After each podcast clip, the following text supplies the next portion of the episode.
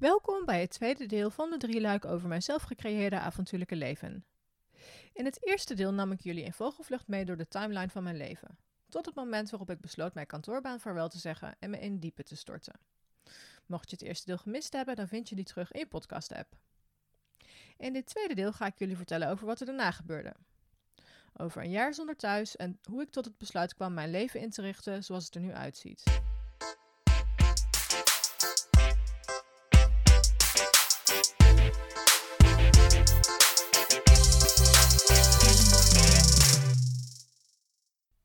Het opzeggen van mijn kantoorbaan deed ik echt met pijn in mijn hart. Je hoort wel eens van vrouwen dat ze echt jarenlang naar dat moment hebben toegeleefd, maar bij mij was dat zeker niet het geval. Ik had het namelijk prima naar mijn zin, maakte mooie reizen en had leuke collega's. Echter viel deze baan niet meer te combineren met mijn wens om vaker te reizen en van bloggen mijn werk te maken, en dus moest ik kiezen. Ik koos voor het leven als avonturier. De ochtend dat ik mijn baan opzegde was een bijzondere. Het was op een maandag en ik had er het hele weekend over nagedacht. Met een knoop in mijn maag vertelde ik het aan mijn leidinggevende dat ik per 1 juli voor een vrij leven zou kiezen. Ik kreeg gelukkig direct fijne reacties en werd gesteund in mijn keuze. Ik maak er geen geheim van dat David en ik elkaar hebben ontmoet via Tinder. Echter niet met het idee om er een relatie uit te slepen, maar gewoon om voor de gein eens rond te kijken. Op aanraden van een vriendin installeerde ik tijdens het avond in de kroeg de app. En tot mijn grote verbazing kwam ik allemaal mannen tegen die ook als hobby buiten zijn hadden, oftewel een outdoor man wist ik veel dat die er in Nederland ook waren. Ik had me namelijk voorgesteld dat ik ooit ergens aan de andere kant van de wereld iemand zou oppikken. Maar dat mijn grote liefde op slechts 10 kilometer verderop in het bos woonde, zag ik niet aankomen. Ik zegde mijn baan per 1 april op, of per 1 juli op in april, omdat ik mijn werkgever de kans wilde geven een goede vervanger te zoeken. Alaska-specialisten vind je namelijk niet zomaar overal. Op 1 juli zou ik dan aan mijn nieuwe leven beginnen. In de maanden ertussenin gebeurde er van alles. Ik moest afscheid nemen van mijn nieuwe huis, mijn spullen uitzoeken en een plek regelen om die te stallen zolang ik geen thuis had. Alles liep echter anders dan gepland. Want tussen alle gebeurtenissen door was ik eigenlijk ook gewoon op.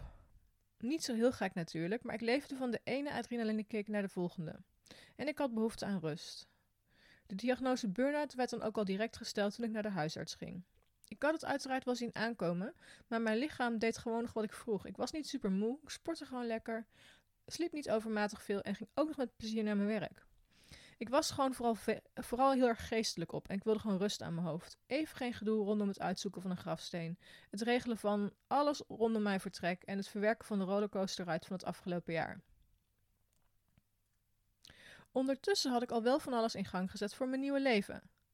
Ik zou dus geen huis meer hebben per 1 juli, had al diverse blogreizen gepland voor de zomer en had vliegtickets naar Amerika en Nepal voor vakanties. Ondertussen ging ik een traject bij een psycholoog aan. Ik zat in een wachtkamer van een enorm gebouw waar de ene na de andere persoon naar binnen werd geroepen. Oftewel, ik ging aan mezelf werken in een soort van fabriek die erop gebrand was mij zo snel mogelijk weer aan het werk te krijgen. Dat ik tegen de mij toegewezen psycholoog vertelde dat ik eigenlijk gewoon wilde werken, leek niet binnen haar protocollen te passen. Hierop terugkijkend waren deze sessies een enorme waste of time. Zij deed haar werk volgens de protocollen, ik schoot in de weerstand omdat ze gewoon haar werk leek te doen en me als een nummer behandelde. Iedereen die met een burn-out te maken krijgt, adviseer ik dan ook van harte om een psycholoog te zoeken waar je een klik mee hebt en niet eentje die je zomaar wordt toegewezen. Ik heb een jaar later contact gezocht met een psycholoog waarmee ik wel een verbinding voelde en dat maakte een wereld van verschil in mijn zoektocht naar herstel. Ondertussen was ik dus ook nog aan het daten geslagen met de jongen die 10 kilometer verderop in het bos woonde. We vonden elkaar heel leuk, maar het feit dat ik een wereldreis ging maken en niet wist wanneer ik terug zou komen, bleek gewoon niet handig. En dat is logisch, maar leidde ertoe dat we besloten afscheid van elkaar te nemen. Ondanks dat we veel raakvlakken hadden en mooie wandelingen maakten samen, zag ik het niet zitten om ook op vriendschappelijke basis contact te houden. Mijn eerste verliefdheid na een lange relatie was een heftige, kan ik je zeggen. Het zorgde ervoor dat ik nog net een stukje verder uit balans raakte. Life throws you a curveball when you need it the least. Ook was ik druk bezig om mijn spullen naar mijn oude kamer in mijn ouderlijk huis te verhuizen. Mijn broertje woont daar nog steeds en bood aan dat ik daar tijdelijk terecht kon. Ook begonnen de eerste twee campagnes voor mijn werk. Ik vertrok een week naar Oostenrijk en aansluitend vlog ik voor enkele dagen naar San Marino. Mijn baas vroeg of ik nog wat langer kon doorwerken en aangezien ik pas half juli naar Amerika vloog en ik het extra geld goed kon gebruiken, stemde ik toe. Als ik eenmaal in Amerika was, kon ik wel relaxen. Bij thuiskomst uit San Marino moest ik nog een paar dagen werken en daarna nam ik echt afscheid van mijn collega's. De dag daarna vloog ik naar Seattle. Ik droomde er al jaren van om de Amerikaanse Pacific Northwest te gaan verkennen en dan specifieker naar Crater Lake National Park te gaan. Een Amerikaanse vriend van me die ik ooit in Moab ontmoette, vertelde me dat hij daar was geweest en dat hij enorm onder de indruk was. If you love Yellowstone, you will love this even more. Heel last minute had ik ook besloten nog een week Alaska toe te voegen aan mijn reis, die hiermee drie weken zou gaan duren. Ik kon mijn ticket van Iceland Air namelijk makkelijk omboeken en het agentschap waar ik jarenlang mee had samengewerkt bood mij aan om op afscheidstoer te gaan. Een aanbod waar ik uiteraard geen nee tegen kon zeggen. Al bij landing in Seattle voelde ik een wauw-moment. Seattle heeft altijd een beetje tot mijn verbeelding gesproken. Wellicht ook omdat het omgeven wordt door ruige natuur en de door mij geliefde grunge muziek hier vandaan komt. Ik haalde mijn huurauto op en reed naar mijn overnachtingshotel bij de luchthaven. De volgende dag kwam ik via Facebook in contact met de Nederlandse Inge, die al jaren in Seattle woont. Ze nodigde mij uit voor het ontbijt en een uur later schoof ik bij haar aan tafel aan. En later tijdens die reis zou ik ook nog bij haar op de bank slapen. Het avontuur was begonnen. Het hebben van vrienden en bekenden over de hele wereld is een virtue. Zo rijde Garth mij rond door de Columbia River Gorge en ontmoette ik een stel vriendinnen in Portland. Ik was nu een paar dagen onderweg en werd continu op sleeptouw genomen door locals. Maar merkte al heel snel dat ik behoefte had aan alleen zijn. Gewoon even niet hoeven kletsen, gezellig doen en socializen. Dat lukte me uiteindelijk pas bij, bij Crater Lake. Ik reed hier naartoe vanuit Portland en bij de eerste parkeerplaats aan de rim stopte ik. Ik liep naar de kraterrand, staarde de diepte in en begon bijna te huilen. Ken je dat gevoel dat je ergens jaren, jarenlang naartoe leeft? Dat je je in je hoofd een beeld gevormd hebt van een bepaalde plek en dat je er dan ineens staat? Dat het in je beeldgevormde hoofd ineens geen gevormd beeld maar is, meer is, maar een heus beeld, omdat je nu weet hoe het er echt uitziet. Ik vind het altijd een heel bijzonder moment. Het afscheid nemen van het gevormde beeld en het opnemen van het live beeld. Dit gevoel had ik heel sterk bij het zien van Crater Lake en later tijdens mijn reizen nog een aantal keer. Een van de belangrijkste ervaringen die mij tijdens de, reis, uh, van de, uh, tijdens de rest van mijn reis zou bijblijven, en achteraf gezien dan, want ik had op dat moment niet door dat het zo significant was, was het moment waarop ik besloot Mount Scott, de Mount Scott te beklimmen, de hoogste berg van Crater Lake National Park. Bij het bezoekerscentrum kreeg ik te horen dat het niet mogelijk was omdat er nog te veel sneeuw lag. Aangezien ik al eerder een dergelijke ervaring had in Yellowstone National Park, toen met, met, met Mount Washburn, besloot ik dit niet als waarheid aan te nemen en de volgende dag gewoon naar de trailhead te rijden. Daar stonden talloze auto's en ik besloot aan mijn hike te beginnen. Mijn eerste solo hike in Amerika. Ik vond het super spannend. Maar de trail bleek niet zwaar en zo'n twee uur na vertrek van de parkeerplaats stond ik glunderend op de top van Mount Scott, op 2700, 2300 meter hoog. Onderweg lag nog slechts een beperkte hoeveelheid, hoeveelheid sneeuw en waren de enorme pakken sneeuw, zoals men in het, bezoek, in het bezoekerscentrum omschreef, al lang gesmolten. In de verte pakten zich dikke donderwolken samen en ik besloot snel af te dalen. Op de weg terug begon het te onweren, wat ervoor zorgde dat ik nog sneller liep. Het laatste uur bracht ik samen met Jeff door, een wereldreiziger die dit jaar op reis ging in eigen land. Leermoment van de dag: medewerkers in het bezoekerscentrum weten lang niet alles. Ga af op je eigen intuïtie en durf een inschatting te maken of iets al dan niet veilig is binnen jouw eigen marges. Alleen over de rest van deze reis zou ik al een boek kunnen schrijven, maar ik maak even de sprong naar mijn Alaska-reis. Uh, voor degenen die het toch interessant vinden om verder te uh, lezen over Amerika en uh, mijn alleenreizen in Amerika, de artikelen daarvan vind je in de blogpost die ik schreef. Op naar Alaska dus, om nog één keer te genieten van deze bijzondere plek. Ik maakte er de meest bijzondere ervaring ooit mee. Ik vloog namelijk met een klein vliegtuigje naar de beren van Lake Clark National Park en verbleef hier drie dagen in een wilderness lodge tussen de mannen met geweren en stoere Alaskaanse vrouwen. Er waren geen andere toeristen en aangezien mijn collega ook Alaskaanse is, kregen we een volledige Alaskaanse behandeling. Lekker rauw en ongenuanceerd, I love it. De momenten waarop we op zoek gingen naar beren waren heel bijzonder. Die zaten overal om ons heen, maar ook weer niet. De zandtrek was net begonnen en dus waren ze vooral in de baai enkele mijlen verderop te vinden om te vissen. Maar soms liep er ineens een beer vlak langs ons heen. S'avonds in het donker mocht ik absoluut niet alleen van de lodge naar mijn cabin lopen. Er ging stevast een van de gidsen mee met een gun, voor het geval dat. Slechts enkele momenten voordat het vliegtuig ons weer zou ophalen, werd ik geroepen. Er zat een beer op slechts, meter van slechts vijf meter van ons te vissen in de rivier. Zo dichtbij had ik ze nog niet eerder gezien. Hij kreeg een zalm te pakken en het moment waarop de kaken van de bruine beer die zalm vermorzelde zal ik nooit vergeten. Kippenvel.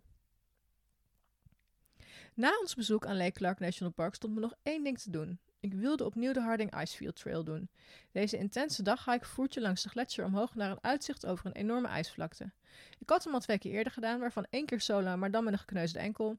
En mijn collega vond het een goed idee om gewoon nog een keer te gaan. Eenmaal boven was mijn gevoel van vrijheid niet te omschrijven. Daar zat ik dan. Uit te kijken over een ijsmassa zo ver als het oog reikt, met de vrijheid om te gaan doen wat ik wilde.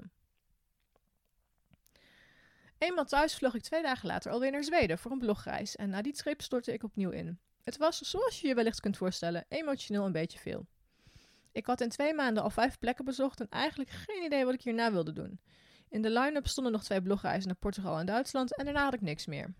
Ik schipperde van huis naar huis en ik sliep zelfs nog in het huis van mijn ex, dus mijn oude huis, toen hij op reis was naar Alaska. En voelde me, ondanks alle liefde en aandacht van de mensen om me heen, ontzettend eenzaam. Ik was steeds maar kort op één plek, was constant bezig om mijn spullen te pakken en te verslepen en voelde me eigenlijk nergens echt op mijn gemak. Was dit nou het leven als nomade hoe ik het me voor ogen had gezien? Wat niet bepaald meehielp, was een incompleet advies van mijn huisarts. Het leek namelijk wel handig om in plaats van de pil een andere vorm van anticonceptie te gaan gebruiken. Mede omdat ik zoveel reisde tussen verschillende tijdzones, vergat ik wel eens een pil en dat is gewoon niet zo handig. Ik deed wat onderzoek en zo'n staafje in je arm, de Implanon, leek me een ideale oplossing. Een vriendin van me had er ook eentje en was er heel tevreden over. Helaas bracht het meer ellende met zich mee dan verwacht. Bijwerkingen van de Implanon voor sommige vrouwen zijn echt enorm. Ik zat al niet lekker in mijn vel en dat werd ook nog eens versterkt door de hormonen die dat staafje afgaf. Ik zat eigenlijk hele dagen huilend op de bank of op bed, zonder energie en zonder richtingsgevoel. Dit was bepaald niet het leven zoals ik het een half jaar geleden uh, voor me had gezien. Ik had voor november een ticket naar Nepal en zou dan de Annapurna Basecamp trek gaan lopen. Tot die tijd had ik eigenlijk verder geen plannen. Blijven verkassen tussen verschillende huizen was geen optie en ergens in mijn hoofd wist ik dat ik na Nepal naar Nieuw-Zeeland wilde, waar dan de zomer was begonnen. Ik besloot dus maar om een ticket naar Bali te boeken en daar eens flink tot rust te gaan komen. Maar eerst moest dat staafje er nog uit. Ik belde mijn huisarts, maar ze gaf aan dat het niet meer ging lukken voor mijn vertrek. Het feit dat ik bijna huilend aan de telefoon hing, zegt wel iets over mijn geestestoestand van dat moment. En uiteindelijk besloot ze dat ik terecht kon bij een, bij een vervangende arts. Deze man wist mij te vertellen dat hij eigenlijk nog nooit een vrouw had geholpen die na de eerste implanon nogmaals voor deze vorm van anticonceptie koos. Hij betreurde het dat ik niet beter voorgelicht was bij het maken van mijn keuze over de bijwerkingen in combinatie met het hebben van een burn-out. Het later verwijderen van dat ding gaf me een instant gevoel van opluchting. Met de hechtingen nog in mijn arm vloog ik een paar dagen later naar Bali. Eerlijk is eerlijk, ik kan me er weinig meer van herinneren. Het enige dat ik nog weet is dat ik in het donker aankwam, naar Ubud werd gebracht en daar neerplofte op een bed in enorme hitte. Ik heb zo'n 14 uur non-stop geslapen en daarna nog eens 48 uur doorgebracht in mijn hotelkamer. Ik had gewoon niet de energie om erop uit te trekken en iets te gaan ondernemen. Uiteindelijk was het de medeblogger die ervoor zorgde dat ik uit mijn hotel kwam. Marieke. We kenden elkaar via internet en hadden uh, elkaar voor vertrek ook al even kort gesproken. Zij zou namelijk een paar dagen na, Bali, uh, naar, na mij naar Bali vertrekken.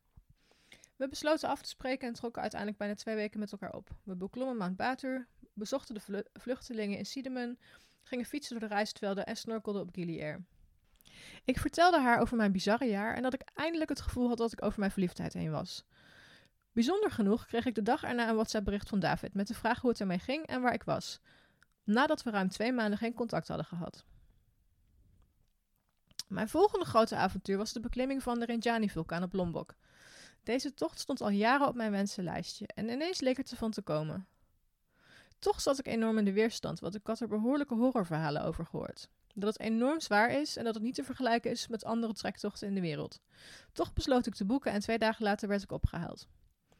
De horrorverhalen bleken volledig waar. Ik geloof niet dat ik ooit zoiets zwaars heb gedaan als de Rinjani-trektocht. Het zware was niet per se fysiek, maar ook eigenlijk meer mentaal. Mijn gids was een klein mannetje dat zich om de meerdere personen in mijn groepje moest bekommeren. En dus legde ik de, top, de tocht naar de top grotendeels alleen af. Om mij heen liepen andere mensen te zuchten en kwamen de eerste wandelaars al terug van de top. De zonsopkomst ging ik sowieso niet meer halen, maar naar de top wilde ik sowieso. En de laatste meters heb ik letterlijk gestrompeld en gekropen. Ik was helemaal kapot toen ik boven was en ik had geen controle meer over mijn adem. Heel beangstigend. Ik heb eerst een kwartier gezeten om bij te komen en toen de topfoto gemaakt. Helaas was het nog niet gedaan met de pret, want de, voor de rest van de dag stond een afdaling in de krater ingepland en opnieuw een enorme klim terug naar boven, de kraterrand weer op. Ik heb dat deel van de tocht huilend afgelegd. Het stroomde inmiddels van de regen, het pad was ongekend stil. En de gids vertelde me gekscherend dat er het afgelopen jaar twee vrouwelijke hikers de diepte in waren gestort. Het behoeft verder geen uitleg dat het een tocht from hell was. Ik bleef nog enkele weken in Indonesië voor ik weer naar huis vloog. Of nou ja, andermans huis. Inmiddels had ik voor mezelf een besluit genomen. Ik vond al dat reizen leuk en avontuurlijk, maar dat gevoel van geen thuis hebben vond ik vreselijk. Ik kan het gevoel lastig omschrijven, maar het komt erop neer dat ik het altijd al fijn vond om na een reis weer naar huis te gaan. Of dit nu het oude sloopflatje was waar ik een tijd lang woonde, of mijn koophuis van drie etages. Ik heb nooit een hekel gehad aan mijn leven in Nederland en thuiskomen voelde voor mij dan ook altijd weer als het begin van een nieuw avontuur. Doordat ik geen thuis meer had en afhankelijk was van de gastvrijheid van anderen, verloor ik voor mijn gevoel een stukje onafhankelijkheid. Daarnaast miste ik mijn vrienden en familie. Ik had het gevoel dat ik een slechte vriendin was en dat ik altijd van hot naar her rende als ik weer in Nederland was. Toch, wilde toch wist ik dat ik ook altijd wilde blijven reizen. Alleen niet meer fulltime als nomade. Dit inzicht zorgde er al meteen voor dat er een enorme lading rust over me heen kwam. Oftewel, na mijn Nieuw-Zeeland-reis wilde ik op zoek naar mijn eigen woonruimte om vanuit daar te werken in combinatie met reizen. Mijn ideale leven zou een combinatie worden van in Nederland zijn en in het buitenland zijn en vanuit overal te kunnen werken. Oftewel, een, leven in volledige vrijheid. The best of both worlds, zeg maar. Ik vond het best lastig om toe te geven aan mezelf dat ik niet fulltime wilde reizen. Het voelde een beetje als falen. Zo van, het gas is, uh, gas is eigenlijk altijd groener. Want als je thuis bent wil je weg en als je weg bent wil je naar huis. Gelukkig kon ik die gedachte al vrij snel aan de kant zetten door te kiezen voor de middenweg. Tussen Bali en Nepal besloot ik met David af te spreken. Alhoewel we na, de eerste, na het eerste bericht op Bali af en toe contact via WhatsApp hadden, bleef het, bleef het oppervlakkig. Het bijzondere was dat David al op een vergelijkbare manier in het leven stond als ik. Alhoewel hij degene was die er in de zomer voor koos om verder te gaan omdat ik op wereldreis ging, staan vrijheid, autonomie en onafhankelijkheid hoog bij hem in het vaandel, net als bij mij. In de periode na Amerika was ik ook weer gaan daten, maar liep toch wel met regelmaat aan tegen mannen die, quote, het leuk vonden wat ik deed, maar het niet heel leuk vonden als ik vaak weg was, als we dan eenmaal samen zouden wonen, unquote. Oké, dat is dan wel eens een beetje de ergste variant die ik gehoord heb. Maar feit is dat zo'n avontuurlijke vrouw in eerste instantie heel leuk lijkt, tot je daadwerkelijk op avontuur besluit te gaan en je voor enkele maanden afscheid moet nemen, was de conclusie van de meeste mannen die ik sprak. Een vrouw die volledig onafhankelijk van haar man haar avontuurlijke leven, leven leidt, was in de ogen van de meeste mannen toch niet zo vanzelfsprekend en leuk. David en ik besloten om koffie te gaan drinken en bij te kletsen. Het bleef bij koffie en bijkletsen, want ik stond mezelf niet toe opnieuw verliefd te worden op iemand. Niet op hem, maar ook niet op de mannen die ik tegenkwam tijdens mijn reizen. Mijn volgende reis bracht me naar Nepal, waar ik de Annapurna Basecamp trek liep. Ik had een porterguide gehuurd, maar mijn zelfvertrouwen was redelijk aangetast door mijn ervaring op Mount Rinjani. Elk, uh, enkele jaren daarvoor had ik de Everest Basecamp trek al gelopen en dat was zwaar, maar toen was ik samen. Nu zou ik het op mijn eigen mentale kracht moeten doen. Gelukkig maakte ik deze trektocht zonder al te veel problemen. Twee vingers in de neus is wellicht wat overdreven, maar het ging goed en ik was blij. Eenmaal terug in Nederland had de winter inmiddels zijn intrede gedaan. Ik zou drie weken in Nederland zijn voor ik naar Nieuw-Zeeland zou vliegen. Die weken besteed ik vooral aan afspreken met vrienden, werken en mijn nieuwe business opzetten, want er moest immers ook nog geld verdiend worden. Ook brachten David en ik veel tijd met elkaar door. Je kunt de liefde niet sturen en alhoewel ik wist dat ik weer weg zou gaan en opnieuw verdrietig zou worden, werd ik toch opnieuw verliefd op hem. De dag dat ik naar Nieuw-Zeeland vloog voor drie maanden was een bijzondere. Ik had namelijk besloten om op 25 december te, te vliegen. Niet alleen eerste kerstdag, maar ook nog eens mijn verjaardag. Ik werd die ochtend wakker en besloot eerst een bezoek te brengen aan het graf van mijn vader. Onderweg naar de begraafplaats, op vijf minuten lopen van het huis van mijn broertje, speelde ik via Spotify het nummer Do They Know It's Christmas af. En de, de tranen stroomden letterlijk over mijn wangen. Ik zat gewoon opnieuw in een rollercoaster. Maar deze keer wel met de gewenste uitkomst. Ik zou namelijk na Nieuw-Zeeland mijn leven gaan richten zoals ik hem op dat moment voor ogen had en op dit moment nog steeds leid. In vrijheid, waarbij ik ongeveer een derde per jaar in het buitenland doorbreng en de rest van de tijd thuis ben. David had voorgesteld dat hij mij wel naar Schiphol kon brengen die dag. Vijf maanden eerder namen we ook afscheid op Schiphol toen ik naar Amerika vloog. Toen namen we afscheid met een wie weet tot ooit. Deze keer met een tot over drie maanden. Hoe dat verliep lees je in mijn volgende blog en hoor je in de volgende podcast.